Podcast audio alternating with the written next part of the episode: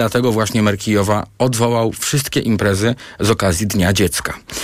A w Rosji, w obwodzie, w obwodzie białgoradzkim, znowu miało dojść do starcia z proukraińskimi partyzantami. Donoszą o tym. Mm, Zarówno rosyjskie, jak i ukraińskie media. W mediach społecznościowych pojawiły się nagrania wojskowych z Legionu Wolność Rosji i rosyjskiego Korpusu Ochotniczego. Tym razem do starcia miało dojść w rejonie miejscowości Szebiekino. Już wkrótce zobaczymy przedmieścia Szabiekina. Nie jesteśmy w stanie zapewnić ewakuacji ludności cywilnej z obszaru przygranicznego, ponieważ rosyjska armia celowo ostrzeliwuje te tereny w taki sposób, by ją uniemożliwić. Dlatego zostańcie w domu i nie bójcie się. Bojownicy rosyjskiego korpusu ochotniczego nie walczą z cywilami. Przed tygodniem partyzanci przekroczyli rosyjską granicę w okolicach miejscowości Grajworon, także w obwodzie białgorodzkim. Wówczas udało im się zniszczyć m.in. rosyjski posterunek energetyczny. Eksperci zwracają uwagę, że celem takich krótkotrwałych akcji może być zmuszenie Rosjan do wycofania części wojsk z frontu w Donbasie. Koalicja w sprawie amerykańskich systemów obrony powietrznej Patriot i myśliwców może przezwyciężyć terror stosowany przez Rosję, oświadczył prezydent Ukrainy, komentując e, ten ostatni rosyjski ostrzał. Wołodymyr Zełański bierze udział w szczycie Europejskiej Wspólnoty Politycznej w Mołdawii razem z przedstawicielami państw Unii Europejskiej. Miejsce organizacji szczytu nie jest przypadkowe. Szef unijnej dyplomacji Joseph Borrell powiedział, że Mołdawia jest jednym z krajów najbardziej dotkniętych rosyjską inwazją na Ukrainę. Ponadto Rosja próbuje zdestabilizować sytuację w Mołdawii, ingerując w nią i prowadząc działania hybrydowe. Jestem tu, by wysłać jasny komunikat. Mołdawia nie jest sama. Silniejsza Mołdawia to silniejsza Unia Europejska, dlatego możecie liczyć na nasze wsparcie. Jedziemy na jednym wózku. Mołdawia robi coraz większe postępy, jeśli chodzi o reformy i proces akcesji. Dobrze to widzieć. Będziemy Was wspierać, żeby te postępy były jeszcze szybsze. Dodała szefowa Komisji Europejskiej Ursula von der Leyen. Prezydent Mołdawii Maja Sandu przekazała, że dzisiejszy szczyt to jest ważne wydarzenie i dla Europy, i dla Mołdawii, której uh, to Mołdawii jest miejsce w Unii Europejskiej. Europejska Wspólnota Polityczna to jest właściwie taka szersza e, platforma niż sama Unia, która ma służyć lepszej koordynacji politycznej państw kontynentu. Udział w wydarzeniu mm, zadeklarowało prawie 50 szefów państw i urzędów. E, a, i, i, i, oczywiście rządów narodowych, a o znaczeniu tego szczytu mówiła w TOK, mówił w TOK FM dr Piotr Oleksy, Uniwersytet imienia Adama Mickiewicza w Poznaniu oraz Instytut Europy Środkowej. Te właśnie instytucje pan doktor reprezentuje. To jest największe wydarzenie o charakterze międzynarodowym i dyplomatycznym w historii tego państwa, w historii chyba w ogóle Kiszyniowa, która jest dłuższa niż historia e, tego państwa. Mołdawia była takim krajem, który przez wiele, wiele lat był, można powiedzieć, niedostrzegalny, słabo widoczny w ogóle na arenie międzynarodowej. Jakbyś taka, można powiedzieć, że świadomość istnienia tego kraju, państwa była nawet dosyć niska wśród elit politycznych europejskich. I to jest dla nich ogromna szansa, żeby y, tą swoją widoczność y, wzmocnić, tak? żeby zaznaczyć swoją obecność na arenie międzynarodowej. Oni w ten sposób pokazują również tą swoją przynależność do tej europejskiej rodziny i do świata zachodniego. Tu akurat to jest ważne z jednej i z drugiej perspektywy. No nie bez przyczyny ten szczyt drugi szczyt Europejskiej Wspólnoty Politycznej odbywa się w państwie y, graniczącym z Ukrainą, państwie poradzieckim, które Rosja nadal uważa za y, część swoje swojej podwórko. strefy, swoje podwórko, część swojej strefy y, wpływów. Usłyszeliśmy w TOK FM, a całą rozmowę na ten temat znajdą Państwo w podcastach y, na tokfm.pl i w naszej aplikacji mobilnej. Polecam. Dodajmy, że y, Premier Mateusz Morawiecki uczestniczy w tym szczycie w Mołdawii i zadeklarował, że Polska będzie pomagała Ukrainie przeszkolić pilotów myśliwców F-16 i przypomniał, że wobec Warszawy nie ma oczekiwań, by przekazała samoloty, ponieważ Polska sama ma ich po prostu za mało. Członkowstwo Ukrainy w NATO to jest z kolei jeden z tematów rozmów ministrów spraw zagranicznych państw sojuszu w Oslo. Władze w Kijowie chcą jak najszybciej przystąpić do paktu, ale sceptyczne wobec tego mają być m.in. Stany Zjednoczone. Agencja AFP informuje, że dyplomaci z państw NATO twierdzą, że Amerykanie są niechętni pójść dalej niż obietnica sprzed 15 już lat, że Kijów zostanie kiedyś członkiem sojuszu. To szef sojuszu Jens Stoltenberg. Wszyscy sojusznicy zgadzają się, że Ukraina zostanie członkiem NATO. Pytanie jednak, kiedy tym członkiem zostanie i kiedy będzie chroniona artykułem 5, który w razie ataku zobowiązuje wszystkie państwa NATO do obrony napadniętego sojusznika. NATO w ciągu ostatniego półtora roku wykazało się niezwykłą jednością i solidarnością. Mówił szef amerykańskiej dyplomacji Antony Blinken. Z kolei Zbigniew Rau stwierdził, że przybliżenie Ukrainy do NATO to z polskiej perspektywy jedna z najważniejszych kwestii podczas właśnie tych rozmów w Oslo. Parlament Europejski przyjął rezolucję, która wzywa do odwołania przewodnictwa Węgier w Radzie Unii. Zgodnie z harmonogramem Budapeszt powinien e, objąć to przewodnictwo w drugiej połowie 2024 roku. Według większości europosłów e, przewodnictwa nie powinien sprawować kraj, który ma poważne problemy z praworządnością, wolnością słowa i e, przestrzeganiem praw społeczności LGBT. Część deputowanych obawia się też, że Węgrzy postarają się, czy będą próbowali opóźniać podejmowanie decyzji, na przykład w sprawie nowych sankcji na Rosję. E, zdaniem ekspertów odebranie przewodnictwa w Radzie w praktyce może być niemożliwe, ale jak mówi Dominik Hayes z Instytutu Europy Środkowej w rozmowie z TOK FM, można w pewien sposób rozwiązać ten problem jestem sobie w stanie wyobrazić, że przez sześć miesięcy nic się nie będzie działo na ten temat. Ewentualnie e, za poprzedzającej Węgry mm, prezydencji po prostu się wydłuży tak długo mhm. obowiązywanie sankcji, e, jak się da, po to, żeby ta węgierska prezydencja w kontekście Ukrainy nie była w stanie dużo, e, że tak powiem, mieszać. Usłyszeliśmy w Światopodglądzie, gość Agnieszki Lichnerowicz mówił też o znaczeniu decyzji europosłów dla samych Węgrów. Formalnie to w ogóle nie będzie miało znaczenia, dlatego że ta prezydencja w drugiej połowie 2024 roku węgierska e, i tak się odbędzie. E, Węgrzy liczą, e, to znaczy wiążą z nią bardzo duże nadzieje. Już od bardzo, bardzo dawna przygotowywany jest cały program tej, tej półrocznej prezydencji, który ma się oprzeć na pokoju i suwerenności. W związku z tym w kontekście nawet informacji podawanych przed chwilą w serwisie w kontekście Ukrainy.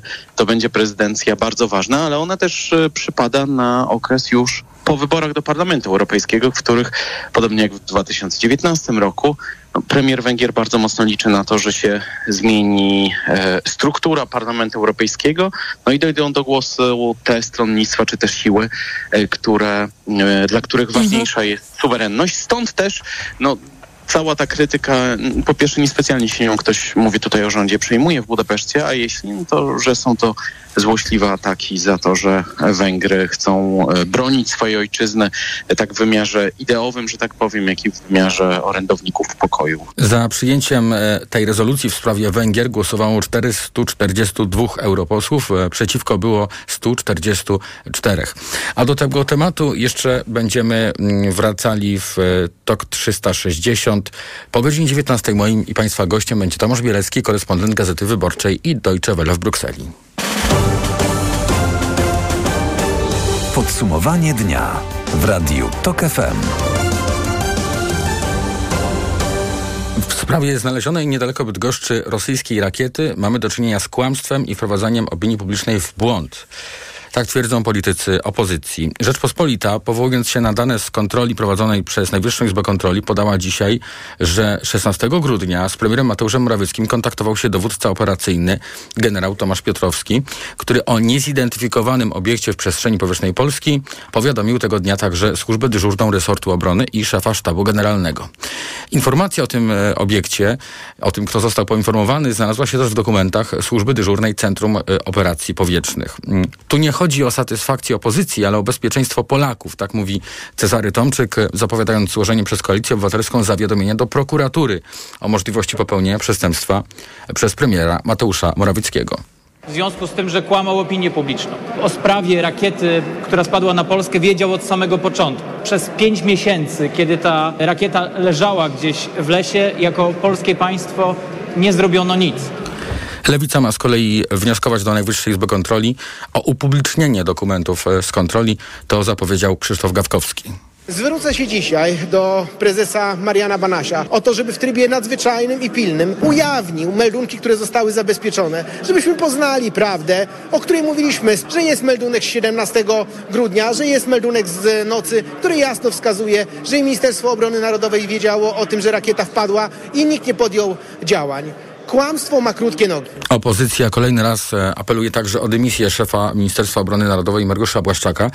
No i rzeczywiście być może ujawnienie dokumentów by tutaj wiele wyjaśniło, bo w całej sprawie głos zabrał także dzisiaj sam premier. Mm, Gazeta Rzeczpospolita niestety przedstawiła absolutne kłamstwo. W grudniu nic nie wiedziałem o incydencie, e, powtarza premier Mateusz Morawiecki. Apel w sprawie pyłu węglowego do premiera i ministrów odpowiedzialnych za porty wystosowała na specjalnej sesji Rada Miasta Gdańska. Radni, a także mieszkańcy mm, dzielnic, które przylegają do portu, domagają się natychmiastowych działań, które przywrócą czystość powietrza. Przeładunek i składowanie w tym porcie tysięcy ton surowca jest w związku z pyleniem uciążliwy w promieniu nawet kilku kilometrów. Paweł Radzewicz. Sprowadzaniu węgla przez gdański port nie towarzyszy wystarczające zabezpieczenie mieszkańców przed skutkami ubocznymi przerzucania tysięcy ton surowca, mówiła prezydent Aleksandra Dulkiewicz. Nagle na port, w którym od wielu, wielu lat nie przeładowywano węgla w takich ilościach, to zadanie po prostu zostało zrzucone. Ci, którzy to zadanie zrzucili, nie są w stanie dzisiaj stanąć twarzą w twarz z mieszkańcami Gdańska. Wielu z nas oczywiście rozumie to, że musimy zabezpieczyć bezpieczeństwo energetyczne, ciepło w naszym kraju kraju, to jest jasne, ale nie może się to odbywać kosztem wielu, wielu tysięcy mieszkańców Gdańska. To nie tylko Nowy Port, to także Brzeźno, Letnica, Przeróbka, te wszystkie dzielnice, które graniczą z portem. No odpowiedzialni są ci, którzy podjęli takie decyzje. Węgiel w 90 niemal procentach przybywający do Polski jest przeładowywany w Gdańsku, nieopodal domu. Są takie miejsca w Gdańsku, przedszkola, których od wielu, wielu tygodni dzieci nie wychodzą na dwór. I dzisiaj ja się pytam, czy ktoś jest w stanie wziąć odpowiedzialność. Oczekujemy konkretnych działań. Na sesję zaproszeni zostali m.in. minister skarbu, minister klimatu, a także prezes portu. Gdyby się pojawili, mogliby usłyszeć takie relacje mieszkańców. Że widać to na co dzień. E, parapety brudne, czarne meble zakurzone, wszystko jest zapylone. Czarny pył, mazia taka, która jak dostanie wody, no to się marzy. No i my to wdychamy, wiadomo. Strasznie. Każdego dnia człowiek nawet okna nie może otworzyć w taką ciepłą pogodę. Dzieciaki nie przebywają w ogóle już na dworzu, ponieważ wracają czarni, dmuchają e, nosy pyłem węglowym, odkasują czarną e, flagmę. Nie da się przy otwartych oknach, ponieważ ten pył osadza się na oknach, e, wlatuje do mieszkania, także myślę, że będzie duszne te lato. Ma Pani na sobie białą bluzkę. Jak długo ona pozostałaby biała, gdyby chciała Pani pospacerować po swoim sąsiedztwie? Myślę, że może z 20 minut byłaby biała. Zapalenie to, jakie teraz mamy, to dramat.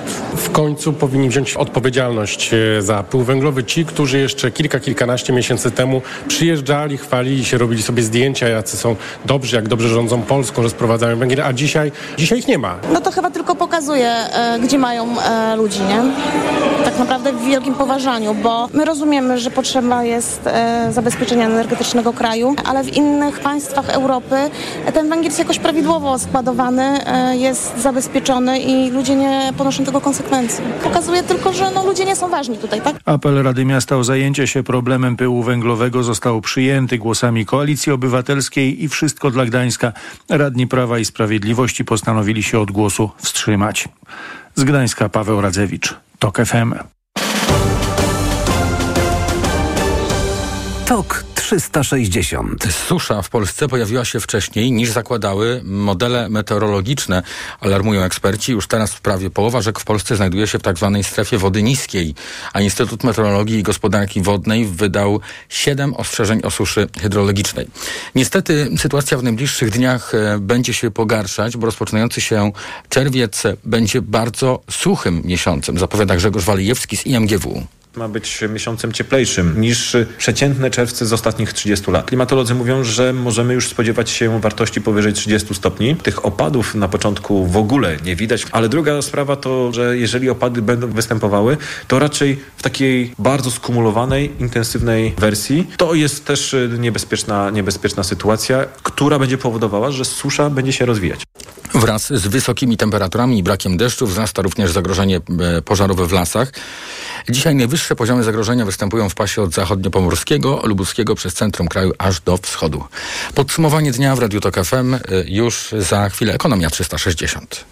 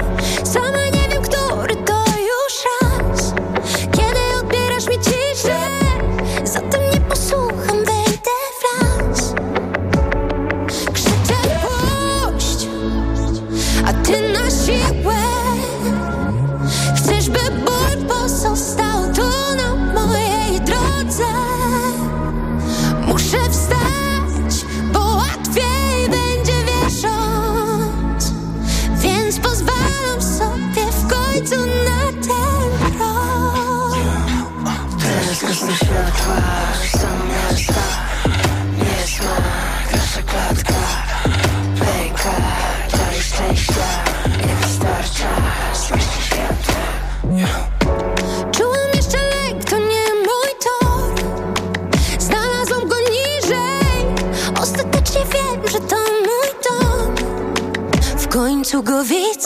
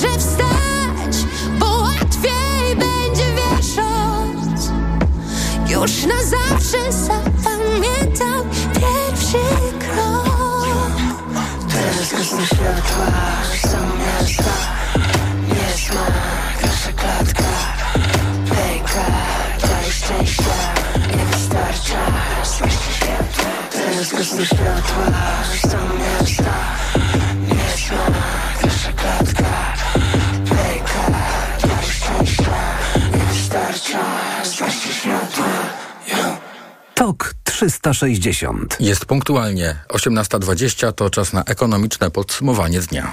Sponsorem audycji Ekonomia 360 jest japońska firma Daikin, producent pomp ciepła, klimatyzacji i oczyszczaczy powietrza. www.daikin.pl Ekonomia 360. Wojciech Kowalik. Polskie gospodarstwa domowe pierwszy raz od lat w ubiegłym roku zbiedniały. Tak wynika z najnowszego badania budżetów domowych, jakie przeprowadził Główny Urząd Statystyczny. Miesięczny tzw. Tak dochód rozporządzalny na osobę wprawdzie wzrósł do 2250 zł, ale inflacja tak mocno napędziła wydatki, że realnie nasze dochody spadły o ponad 2,5%. Zwracał uwagę w raporcie gospodarczym TOK Piotr Bartkiewicz, ekonomista banku PKO SA. Co jest y, no, solidnym spadkiem, bo pod tym względem y, przebiliśmy liczby, które, które znamy z lat 2011-2012, bo to były ostatnie lata, kiedy dochody rozporządzalne polskich gospodarstw domowych y, spadły. To, taka posłucha też no, poza rokiem covidowym od, od, pewnego czasu się polskim gospodarstwom domowym nie, nie przetrafiała. Połowę domowych budżetów zjadają drożejąca żywność i rosnące rachunki za mieszkanie, co szczególnie uderzyło w uboższe gospodarstwa domowe, mówi Hanna Cichy, starsza analityczka do spraw gospodarczych Polityki Insight. Dochód rozporządzalny pracowników się prawie nie zmienił rolników troszeczkę wzrósł, natomiast w gospodarstwach domowych rencistów to jest spadek o 20%. To pokazuje, jak nierównomiernie ta inflacja uderza w różnego rodzaju gospodarstwa domowe. Jednocześnie GUS pisze, że w ubiegłym roku nastąpił spadek spożycia większości podstawowych artykułów żywnościowych. Ponad 300 tysięcy złotych. Tyle kosztuje wychowanie jednego dziecka w Polsce. W przypadku dwojga dzieci to ponad pół miliona złotych. Jak co roku 1 czerwca te koszty podlicza Centrum imienia Adama Smitha. Prawie 80% tych kwot to koszty związane z żywnością, mieszkaniem, transportem i edukacją. Inflacja wychowawczego koszyka zakupów przekroczyła w ostatnim roku 16%. Autorzy piszą przy tym, że mimo tego, że koszty utrzymania dzieci rosną tak szybko, to na dzieciach nie oszczędzamy. Radio Tok FM, pierwsze radio informacyjne. Inflacja w strefie euro w maju wyraźnie wyhamowała do nieco ponad 6%, podaje unijne biuro statystyczne Eurostat. To wciąż jednak trzykrotnie więcej niż cel inflacyjny Europejskiego Banku Centralnego. Obniżenie inflacji to głównie efekt spadku cen paliw i energii, a także efekt bazy, a więc porównania do już wysokich cen rok temu. Hamuje też tempo wzrostu cen żywności i usług. To w strefie euro, a w Polsce inflacja w maju obniżyła się do 13%, ale to nie daje jeszcze powodów do żadnego optymizmu, zwracał uwagę w magazynie EKG ekonomista Marcin Mrowiec. Jak dodawał, tym bardziej nie jest to moment, w którym należałoby nawet rozważać ewentualne obniżki stóp procentowych. Dzisiaj prawie cieszymy się jak dzieci z tego, że inflacja spadła nam z 14,7 na 13%. Natomiast przypomnijmy, że cel inflacyjny Rady Polityki Pieniężnej to jest 2,5%, więc jesteśmy na poziomie 5 razy wyższym E, na- Natomiast zaczyna pojawiać się taki optymizm, tak jak już byśmy y, mieli wszystko załatwione i mogli się zastanawiać nad obniżkami stóp procentowych. Inflacja w maju obniżyła się do 13%, głównie za sprawą taniejących paliw. Wciąż w 20% tempie w skali roku drożeją żywność i energia.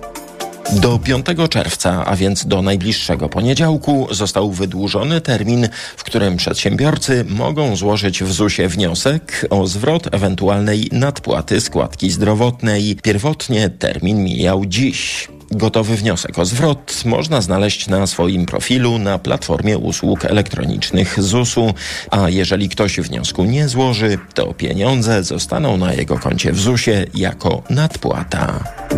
Oficjalne dane z rosyjskiej gospodarki nie pokazują jej faktycznej kondycji, zwracają uwagę eksperci.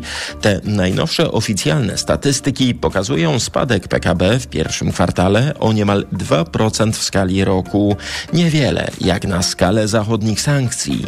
Sytuację trochę ratują zwiększone wydatki wojenne, a pozostałe sektory są w zapaści, co pokazują choćby dane o wynagrodzeniach pracowników, mówiła w TOK FM Iwona Wiśniewska z Ośrodka Studiów Wschodnich. Mamy tą gospodarkę pracującą na armię i tutaj w wielu sektorach mamy wzrost wynagrodzenia nawet dwucyfrowy.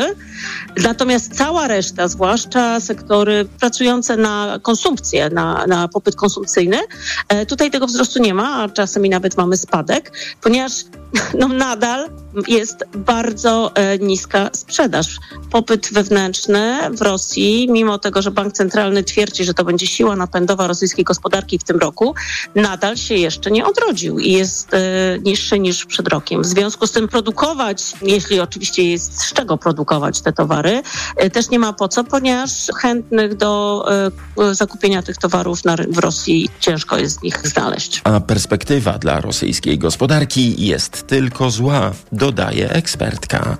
4 zł 52 grosze, tyle kosztuje dziś euro, frank po 4,63, dolar 4,21, funt 5,27. A na warszawskiej giełdzie w górę WIG o 2,2%, WIG 20 o 2,7%.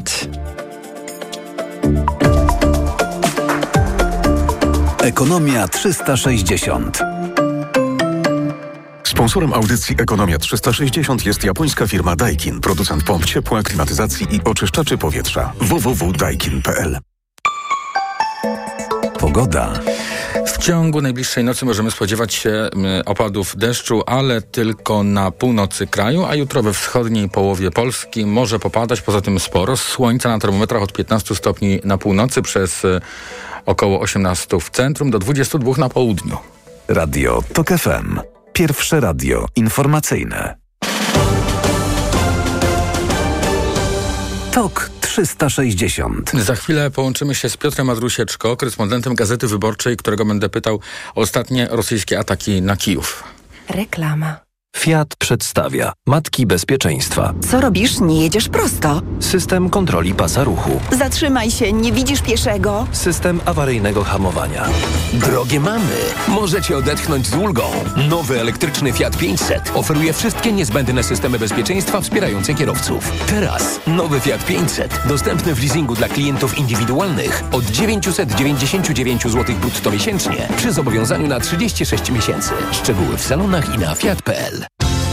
Codzienny magazyn motoryzacyjny.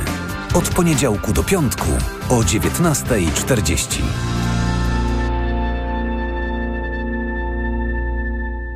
Sponsorem audycji jest właściciel marki Bosch, producent antyalergicznego filtra kabinowego do samochodu Filter Plus. Reklama. TOK 360. Jest z nami Piotr Andrusieczko, korespondent Gazety Wyborczej w Kijowie. Dzień dobry, witam w Radiu Tok FM. Dobry wieczór. Trzy osoby, w tym jedno dziecko, zginęły, a 12 osób zostało rannych. To jest bilans tego ostatniego rosyjskiego ataku na stolicę e, Ukrainy. Em, Dowiadujemy się, dowiadujemy się też e, w tych ostatnich godzinach, że no, tych ofiar można było akurat w tej sytuacji uniknąć, ponieważ one były przed schronem, które, który okazał się zamknięty. I w związku z tym em, mer Kijowa mm, y, nakazał kontrolę w ogóle wszystkich e, schronów. Jakby pan podsumował te minione godziny e, rosyjskiego ataku i, i co tutaj szczególnie zasługuje na uwagę?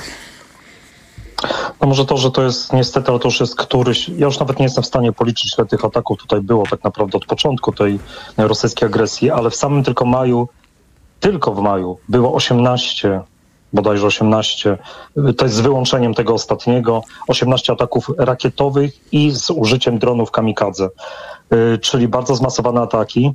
To jest ogromny problem, dlatego że no, proszę sobie wyobrazić, że mieszkają Państwo w, w mieście, w którym no, o tej godzinie na przykład jest piękny, słoneczny dzień, jeszcze y, życie się toczy w miarę normalnie. To znaczy wiadomo, że jest wojna, że się toczy, wielu ludzi y, ma swoich bliskich na tej wojnie, ale tym niemniej miasto w miarę funkcjonuje i zaczyna się z reguły, z reguły to jest nocą, zaczyna się noc, y, wszyscy się kładą spać i na przykład o drugiej, trzeciej w nocy, czy trochę wcześniej rozlegają się syreny alarmowe i to już od, zależy od tego, co dalej, to znaczy, czy jakiego rodzaju broń zostanie użyta przez, y, przez Rosję, to albo y, do ataku, od alarmu do ataku mogą być nawet dwie godziny, a może być to tylko pięć minut, jak to było y, dzisiejszej nocy, bo użyto broni balistycznej wystrzelonej z, z blisko, blis, bo ona była użyta blisko od granicy z Ukrainą, czyli ten, ten czas lotu jest bardzo krótki. To jest też powoduje, że ludzie nawet nie mają możliwości jakby no, szybkiego zareagowania, no bo y, ubrać się, wyskoczyć i pobiec do schronu, to jest w zasadzie, no to jest jednak więcej niż, y, niż te pięć minut.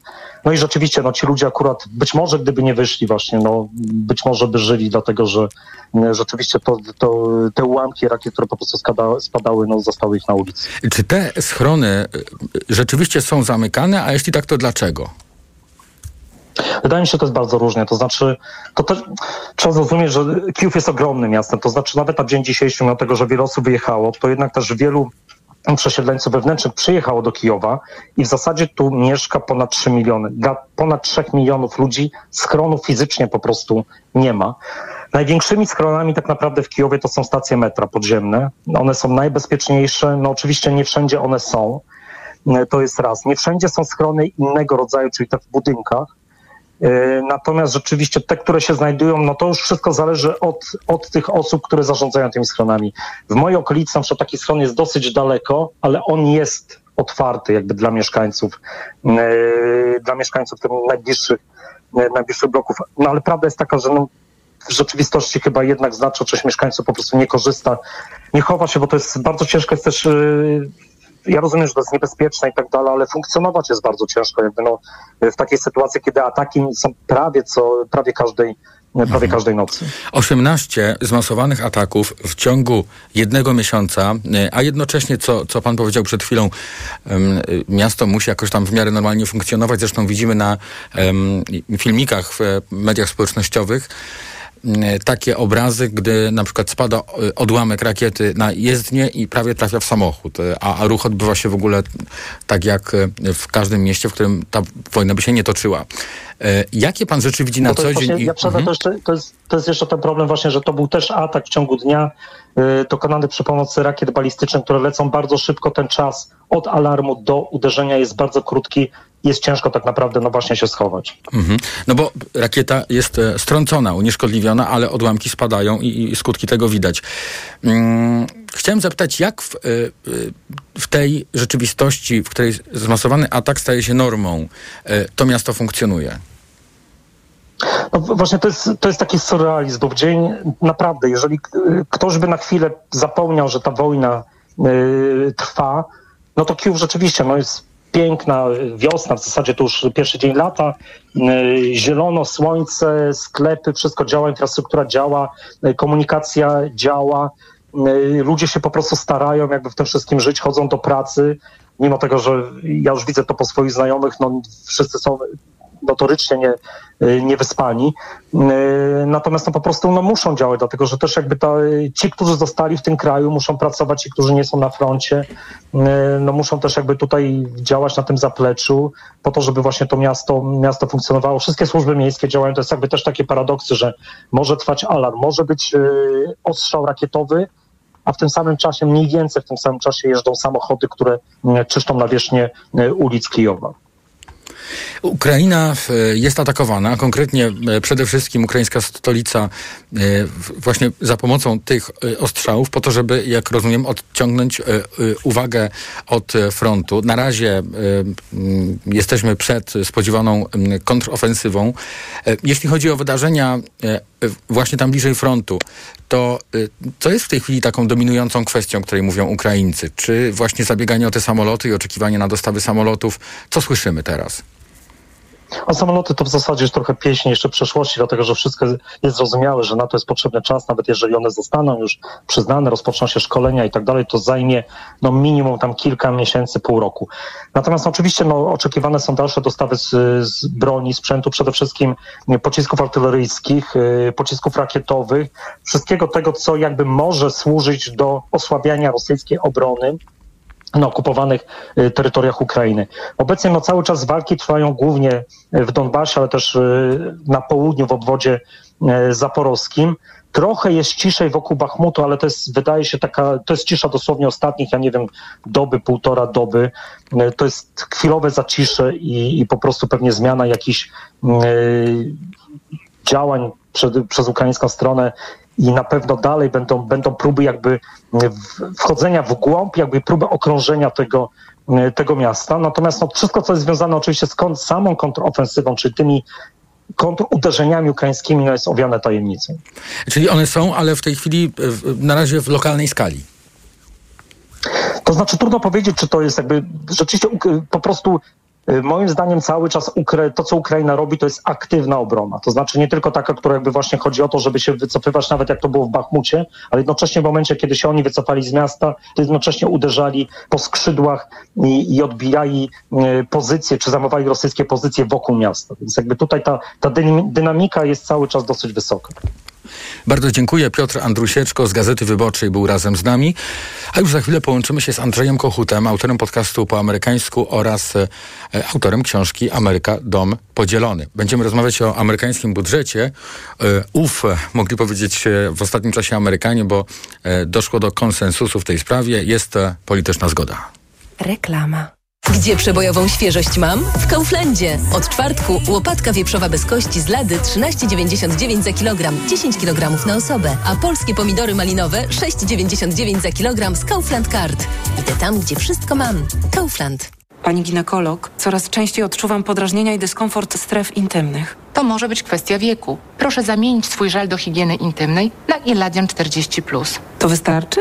Tak. Po 40 roku życia strefy intymne wymagają dodatkowej pielęgnacji, w tym przede wszystkim nawilżenia i regeneracji. I właśnie to zapewni Pani Iladian 40. A do tego Iladian 40 pomaga utrzymać prawidłowe pH. Żel Iladian 40. Higiena i ochrona. Słucham. Z tej strony Hubert Urbański. Twój przyjaciel potrzebuje pomocy z pytaniem eh, o inflację.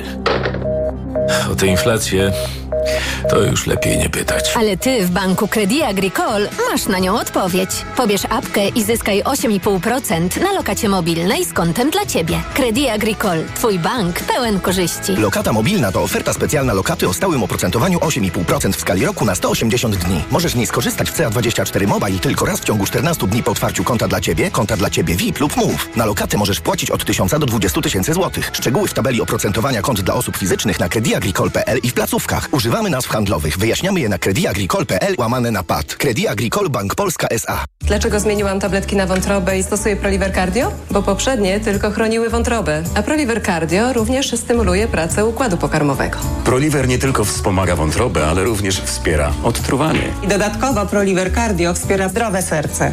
Suplement diety ProLiver Cardio. Zdrowie wątroby i serca. Dostępny również ProLiver plus Magnes. Aflofarm. Wyciąg z liści karczocha wspiera funkcjonowanie przewodu pokarmowego, wątroby, wydzielanie soków trawiennych oraz detoksykację organizmu. Wyciąg z ostryżu długiego wspiera funkcjonowanie serca. Marian, Kleo dzwoniła. Do ciebie? No i powiedziała, żebyśmy kupowali w Media Expert. O, a, a powiedziała dlaczego? Bo w Media Expert taniej ma.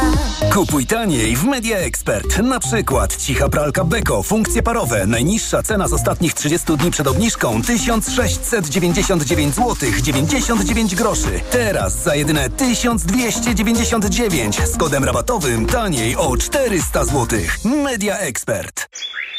O, chwileczkę. Widzę? Yy, chyba widzę. Tak mi się wydaje. Jeśli wolisz mieszkać na tyle blisko, że centrum Warszawy zobaczysz z okna, wybierz inwestycje Konopacka w sercu Pragi. Klimatyczne mieszkania, widok na centrum miasta, pralnia dla mieszkańców oraz rowerownie. Postaw na wyższy poziom życia. Konopacka w rytmie Nowej Pragi. Inwestycja Profit Development. Przedsprzedaż już ruszyła. Wejdź na mieszkania-na-pradze.pl Siedzi w upale Kasia szczęśliwa. Choć jest gorąco, pot z niej nie spływa. Perspi Block Forte Kasia stosuje, a więc poceniem się nie przejmuje. Suplement diety Perspi Block Forte. Tabletki o wysokiej dawce wyciągu z liści szałwi lekarskiej. Dostępne w aptekach. Plamy pod pachami nie będą kłopotem. Weź Perspi Block Forte i nie martw się potem. Działanie wynika ze składnika produktu. Szałwia lekarska przyczynia się do utrzymywania prawidłowego procesu pocenia. Aflofarm. Tyle teraz słychać o wszawicy. Co robić? Zuzia też złapała, ale kupiłam w aptece sprawdzony lek. Sora Forte. Sora Forte? Tak, to jedyny taki szampon leczniczy. Jest łatwy w użyciu i już po 10 minutach zwalcza wszy. Sora Forte. Ekspresowy lek na wszawicę. Sora Forte. Permetriną 10 mg na mililitr. Wszawica głowowa u osób w wieku powyżej 3 lat. Przeciwwskazania na wrażliwość na którąkolwiek substancję. Inne piretroidy, pyretryny. Aflofarm. Przed użyciem zapoznaj się z treścią lotki dołączonej do opakowania, bądź skonsultuj się z lekarzem lub farmaceutą, gdyż każdy lek niewłaściwie stosowany zagraża Twojemu życiu lub zdrowiu. Reklama. TOK 360. Amerykańscy politycy w końcu dogadali się w sprawie e, budżetu, to znaczy e, Izba Reprezentantów przyjęła projekt ustawy, który zawiesza limit zadłużenia do stycznia 2025 roku. Mowa jest także o ograniczeniu wydatków budżetowych. Teraz na ten temat będę rozmawiał z Andrzejem Kochutem, autorem podcastu po amerykańsku oraz autorem książki Ameryka Dom Podzielony. Dzień dobry, witam w Radiu TOK FM. Dzień dobry, witam serdecznie. Chciałem na początek zapytać o to, co tutaj wydarzyło się na e, ostatniej prostej, e, że do tego e, do tego porozumienia ostatecznie udało się doprowadzić politycznego. No myślę, że wypro, do, do, wydarzyło się to, co działo się już wielokrotnie w latach poprzednich, to znaczy no, ten straszak niewypłacalnością Stanów Zjednoczonych to jest bardzo skuteczna strategia negocjacyjna, natomiast y, doprowadzenie do niego y, w rzeczywistości oznaczałoby konsekwencje polityczne dla obydwu stron y, sporu uwikłanych w, w, tą, w tą debatę, w, tą, w te negocjacje, na czym tak naprawdę nikomu nie zależało, może wyjąwszy garstkę radykałów po jednej i po drugiej stronie, którzy uważali, że być może warto docisnąć gaz do dechy i zobaczyć, co się, co się wydarzy, niż iść na jakieś ustępstwa. Natomiast większość porozumiała się, większość zarówno w Partii Republikańskiej, jak i Demokratycznej, uznając, że no, jakiegoś rodzaju kompromis e, jest możliwy do zaakceptowania po obydwu stronach. Republikanie zrezygnowali z części oczekiwań, które mieli względem demokratów. Z kolei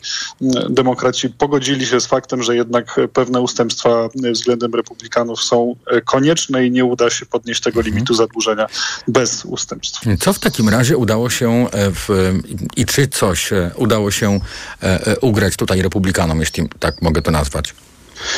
No, przede wszystkim udało im się jednak pewne cięcia e, ugrać. Cięcia, jeżeli chodzi o, o, część programów socjalnych w Stanach Zjednoczonych, które mają ulec pewnemu zmniejszeniu w przyszłym roku. Później ten ich wzrost, czy wzrost kosztów tych programów ma zostać ograniczony w roku następnym. Joe Biden oczywiście stara się, żeby te cięcia nie okazały się bolesne dla tych, którzy są odbiorcami tego rodzaju programów i tutaj w ramach pewnej ugody z republikanami zamierza ograniczyć jednak pieniądze, które w, które w, zeszłym roku zostały przeznaczone na IRS, czyli amerykańską skarbówkę, tak żeby przesunąć te pieniądze na programy socjalne i żeby te cięcia budżetowe nie uderzyły bezpośrednio w ich odbiorców. Udało się też republikanom, choć nie na taką skalę, na jaką chcieli, wprowadzić dodatkowe wymagania dla tych, którzy chcą na przykład korzystać z tego programu.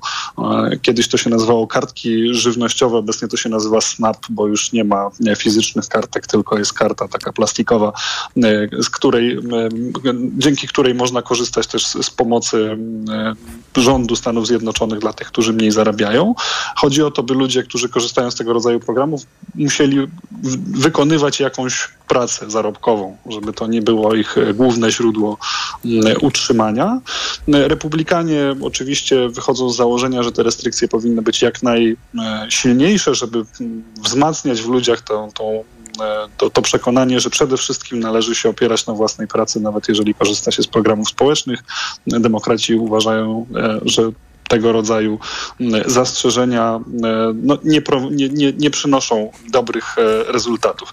Więc tu jest kolejna kwestia, kwestia sporna. Republikanie przede wszystkim i tak Kevin McCarthy, speaker, lider większości republikanów w Izbie Reprezentantów chce to przedstawiać, pokazują, że mimo iż nie kontrolują Senatu, nie kontrolują Białego Domu, to jednak udało im się doprowadzić do pewnych budżetowych cięć i to samo w sobie już jest sukcesem. Udało się ich zdaniem pewien negatywny negatywny trend e, tutaj odwrócić, e, a dalsze sukcesy mogą przyjść z czasem przy okazji kolejnych negocjacji, bo w tym roku będzie i debata wokół e, Farm Bill i będzie oczywiście właściwa debata wokół budżetu na rok 24, więc tych okoliczności, gdzie znowu będzie można pewnego rodzaju ustępstw ze strony demokratów zażądać będzie więcej. Chciałbym, żeby pan jeszcze na krótko powiedział o tym, w jaki sposób to świadczy o Stanach Zjednoczonych, że mieliśmy właściwie tu już tylko kilka dni do e, możliwej niewypłacalności tego państwa, które jest, które przekazuje pieniądze dla, e, czy sprzęt, e, wsparcie militarne dla walczącej Ukrainy, które jest jakby takim państwem rozgrywającym w wielu różnych sytuacjach na całym świecie. Czy, czy to nie pokazuje mm, być może jakichś takich też kłopotów i funkcjonowania na kredyt? No, mo, moim zdaniem przede wszystkim pokazuje, że ta polaryzacja polityczna, która w tej chwili jest w Stanach Zjednoczonych, pogłębia się i doprowadza do coraz poważniejszych kryzysów w funkcjonowaniu samego państwa i to jest negatywny wniosek z tego, e, z tego kryzysu, który obserwowaliśmy w, istotnych, w ostatnich tygodniach. Natomiast jeżeli szukać pozytywów w tym, co widzimy w, z kolei w ostatnich dniach, e, no to jednak trzeba powiedzieć, że wygląda na to, na szczęście, że wciąż e, zarówno po jednej, jak i po drugiej drugiej e, stronie tego politycznego podziału, zarówno po stronie republikańskiej, jak i demokratycznej, wciąż e, gdzieś zdrowy rozsądek i myślenie o, o dobru państwa przeważa nad e, czystym interesem partyjnym i dzięki temu jakiegoś rodzaju zgodę późno, bo późno, za, za 5-12 oczywiście, ale jednak udało się wyprowadzić. Bardzo dziękuję za ten komentarz. Andrzej Kochut, autor podcastu po amerykańsku oraz książki Ameryka, Dom Podzielony był razem z nami. A za chwilę będziemy mówili o kontroli w kuratoriach oświaty. Zazwyczaj kuratoria e, przeprowadzają kontrolę. Tutaj kuratoria zostały e, skontrolowane, a moim Państwa gościem będzie Dominik Kucz, koordynator ogólnopolskiego rankingu szkół przyjaznych LGBTQ+.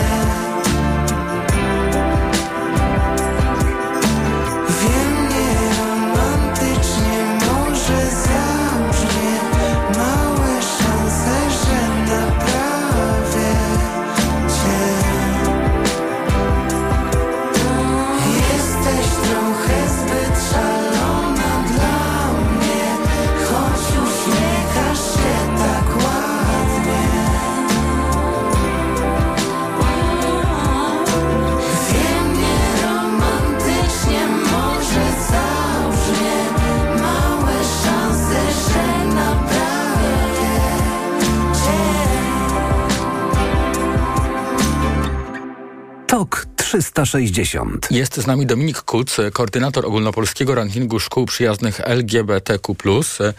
Dobry wieczór, witam w Radiu Tok FM. Dobry wieczór. A będziemy rozmawiali o wynikach kontroli, które Państwo przeprowadzili w e, kuratoriach. E, Kuratoria oświaty to są takie instytucje, e, które rzecz jasna sprawują nad, nadzór nad szkołami. W ostatnim czasie ten nadzór jest częściej ideologiczny, to znaczy e, w, w, po, po, pod tymi rządami, pod rządami Zjednoczonej Prawicy. E, A w, trzeba powiedzieć jeszcze, co, co y, było wcześniej, to znaczy Rzecznik Praw Dziecka chciał em, kontrolować szkoły przyjazne em, LGBTQ+, em, czyli te szkoły, które w waszym em, rankingu się y, znalazły, E, a kuratoria tutaj w, to, w takie działania także się wpisują. A co państwo dzisiaj e, chcieli przekazać opinii publicznej na ten temat? Przede wszystkim już od kilku miesięcy tak naprawdę prowadzimy kontrolę w kuratoriach oświaty w związku z realizacją działań profilaktycznych, działań na rzecz zdrowia psychicznego dzieci i młodzieży przez te instytucje. Dzisiaj mamy Dzień Dziecka, czyli dzień nieprzypadkowy, aby pochylić się nad tematami związanymi ze zdrowiem psychicznym dzieci i młodzieży i wyniki kontroli we wszystkich 16 kuratoriach opublikowaliśmy w kontekście tego, ile tak naprawdę działań jest prowadzonych na rzecz zdrowia psychicznego dzieci i młodzieży, czy są do tego angażowani młodzi ludzie oraz e, nauczyciele, nauczycielki, a także ile szkół w każdym regionie brało udział. Jaki obraz się z tego wyłania? Przepraszam jeszcze raz? Jaki obraz się z tego wyłania? To znaczy, co Państwo są w stanie y, stwierdzić, że kuratoria e, nie wywiązują się ze swoich obowiązków w zakresie y, y, no, dbałości o zdrowie psychiczne młodzieży? Z tej kontroli wynika taka ogromna rozbieżność. To są nieścisłości, które mm, obserwujemy w przypadku różnych regionów. To znaczy, każdy region tak naprawdę e, wygląda zupełnie inaczej. Ta, e, te działania są bardzo e, wybiórcze. Mamy tutaj trzy instytucje, które deklarują, ile udział ile szkół bierze udział w tego typu działaniach oraz takie działania deklarują, że prowadzą. To jest innymi województwo pomorskie, podkarpackie czy wielkopolskie, a są instytucje, które na przykład odpowiadają, i to jest pięć takich kuratoriów, że y, działania na rzecz zdrowia psychicznego dzieci i młodzieży nie mieszczą się w zakresie ich kompetencji, pomimo tego, że kuratoria oświaty są przecież zobowiązane do współpracy z mm, ośrodkami e, chociażby doskonalenia nauczycieli, czy poradniami psychologiczno-pedagogicznymi. Tutaj e, cztery kuratoria deklarują także, że e, takich działań nie prowadzą, bądź że w takich działaniach bierze udział zero szkół. Czyli mamy sytuację, w której tak naprawdę e, te, te procedury są tak naprawdę traktowane bardzo wybiórczo. Nie ma jednej spójnej kontroli, jednej spójnej linii przede wszystkim, e, wobec której kuratoria te działania podejmują. I tak naprawdę prowadzi to do takiej sytuacji, w której e, i młodzi ludzie, i nauczyciele, i nauczycielki ze wszystkich em, regionów mają nierówny dostęp do psychoedukacji, no bo w kuratorium na Pomorzu jest w stanie zadeklarować, że udział bierze e, b- e, 906 szkół w takich działaniach. Takich działań wylistowali nam 29. Natomiast e, na przykład e, małopolska kuratorka oś- oświaty odpowiada, że w ogóle działania na rzecz zdrowia psychicznego dzieci i młodzieży nie leży w kompetencji małopolskiego kuratorium oświaty. Proszę powiedzieć, co Państwo chcieli pokazać, przedstawiając wyniki tej kontroli, poza tym, co y, przede wszystkim wynika z kontroli, czyli e, brak systemowych działań na rzecz zdrowia e, psychicznego. Czy to nie jest tak, że Państwo chcieli trochę pokazać, że kuratoria, które, czy w ogóle instytucje państwowe, które są pierwsze do tego, żeby interweniować w szkołach w jakichś sprawach ideologicznych, przeganiać z nich organizacje pozarządowe, nie zajmują się najbardziej podstawowymi rzeczami? Czy, czy tak to możemy czytać? E, Myślę, że jak najbardziej, natomiast to jest też pokłosie wszystkich działań wokół chociażby prewencji suicydalnej. My wówczas apelowaliśmy między innymi o wprowadzenie pełnej psychoedukacji do szkół, apelowaliśmy o szkolenia dla kadr pedagogicznych, apelowaliśmy o szkolenia dla rodziców i dla młodzieży, e, między innymi jako objęcie szkół prewencją suicydalną i my tutaj nie mówimy o programach na przykład organizacji pozarządowych, w której udział bierze, nie wiem, 20 placówek, tylko o kompleksowych działaniach systemowych. No, adresatem takich komplekso- kompleksowych działań systemowych oczywiście jest nasze państwo i jego instytucje, a te e, p- te postulaty, które były zawarte, one oczywiście mogą być realizowane e, nie tylko na poziomie centralnym ministerstwa, no bo oczywiście ministerstwo wytycza politykę oświatową państwa, ale w regionach realizują ją kuratoria. No więc sprawdzamy to, w jaki sposób ta realizacja polityki oświatowej państwa wygląda w konkretnych regionach. No a niestety jednocześnie mamy społecznie bardzo duży kryzys zdrowia psychicznego dzieci i młodzieży. To są dane, które są przerażające. O 150% wzrosła liczba prób samobójczych, o jedną trzecią wzrasta liczba stanów depresyjnych i lękowych y, wśród młodzieży. Tak deklarują specjaliści i specjalistki. No i ciężko mówić o tym, że nie ma potrzeby podejmowania tego typu działań. Mm, Wracając jeszcze do y, tego państwa przedsięwzięcia bardzo ważnego y, społecznie, czyli rankingu szkół przyjaznych LGBTQ+. Mm, Czy pan tutaj jakby dostrzega jakieś takie trudności tych placówek, które się znalazły w rankingu w związku z tymi właśnie groźbami kontroli i e, takim właśnie złym nastawieniem instytucji państwowych e, do tych e, szkół, czy w, w ogóle do e, państwa działalności? Zasadniczo wśród szkół y, pojawiają się niestety takie obawy, że tak naprawdę instytucje, które powinny wspierać przeciwdziałanie przemocy, wspierać programy profilaktyczne w zakresie zdrowia psychicznego, wspierać chociażby programy profilaktyczno-wychowawcze, które robią rady rodziców, czy inne działania z zakresu na przykład właśnie doskonalenia nauczycieli, tak naprawdę stają przeciwko nim i jest to coś, co jest zupełnie niezrozumiałe. To znaczy, dlaczego my w ogóle mówimy o kontrolowaniu szkół, które jakby wypełniają swoją rolę oświatową i wychowawczą, e, wypełniają rolę opiekuńczą, e, za- zajmują się tematami związanymi ze zdrowiem psychicznym czy z przeciwdziałaniem dyskryminacji, a nie o tych szkołach, w których jest przemoc i w których tak naprawdę dzieją się bardzo trudne rzeczy. Czy ta formuła kontrolowania przez Was, e, przez e, niezależne organizacje, e, instytucji państwowej, żeby pokazać, że są nieprawidłowości, czy to jest coś, co, z czego będziecie korzystać dalej, nie tylko tym razem? Zasadniczo to jest też nie pierwszy raz, kiedy, ta, kiedy takie działania prowadzimy. My już wcześniej prowadziliśmy także interwencje w kuratoriach oświaty w przypadku e, na przykład łamania praw uczniowskich albo po e, jednym, e, jednej sprawie niestety próby samobójczej, która zakończyła się zgonem, więc są to jak najbardziej działania, które my prowadzimy nie od wczoraj, nie od dzisiaj, tylko tak naprawdę one trwają i zbieranie danych również trwa przez kilka tygodni, jak nie kilka miesięcy. Dane z tych kuratoriów oświaty zbieraliśmy tak naprawdę od marca e, obecnego roku w taki sposób, aby też rzetelnie wszystkie y, wnioski, wszystkie informacje przeanalizować.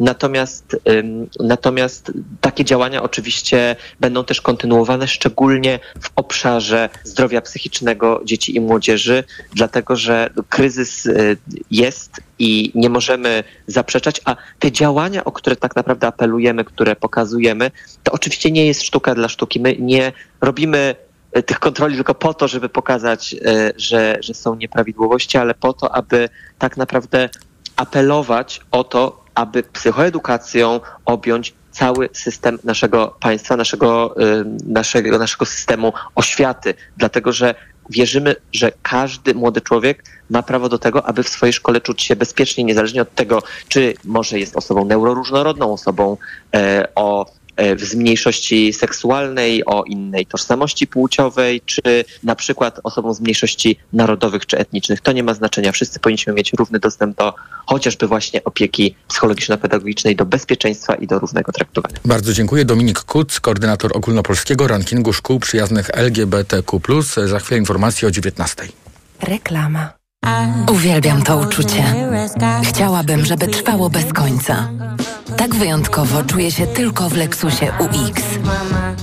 Stylowy crossover Lexus UX otula mnie komfortem i imponuje najnowocześniejszymi technologiami.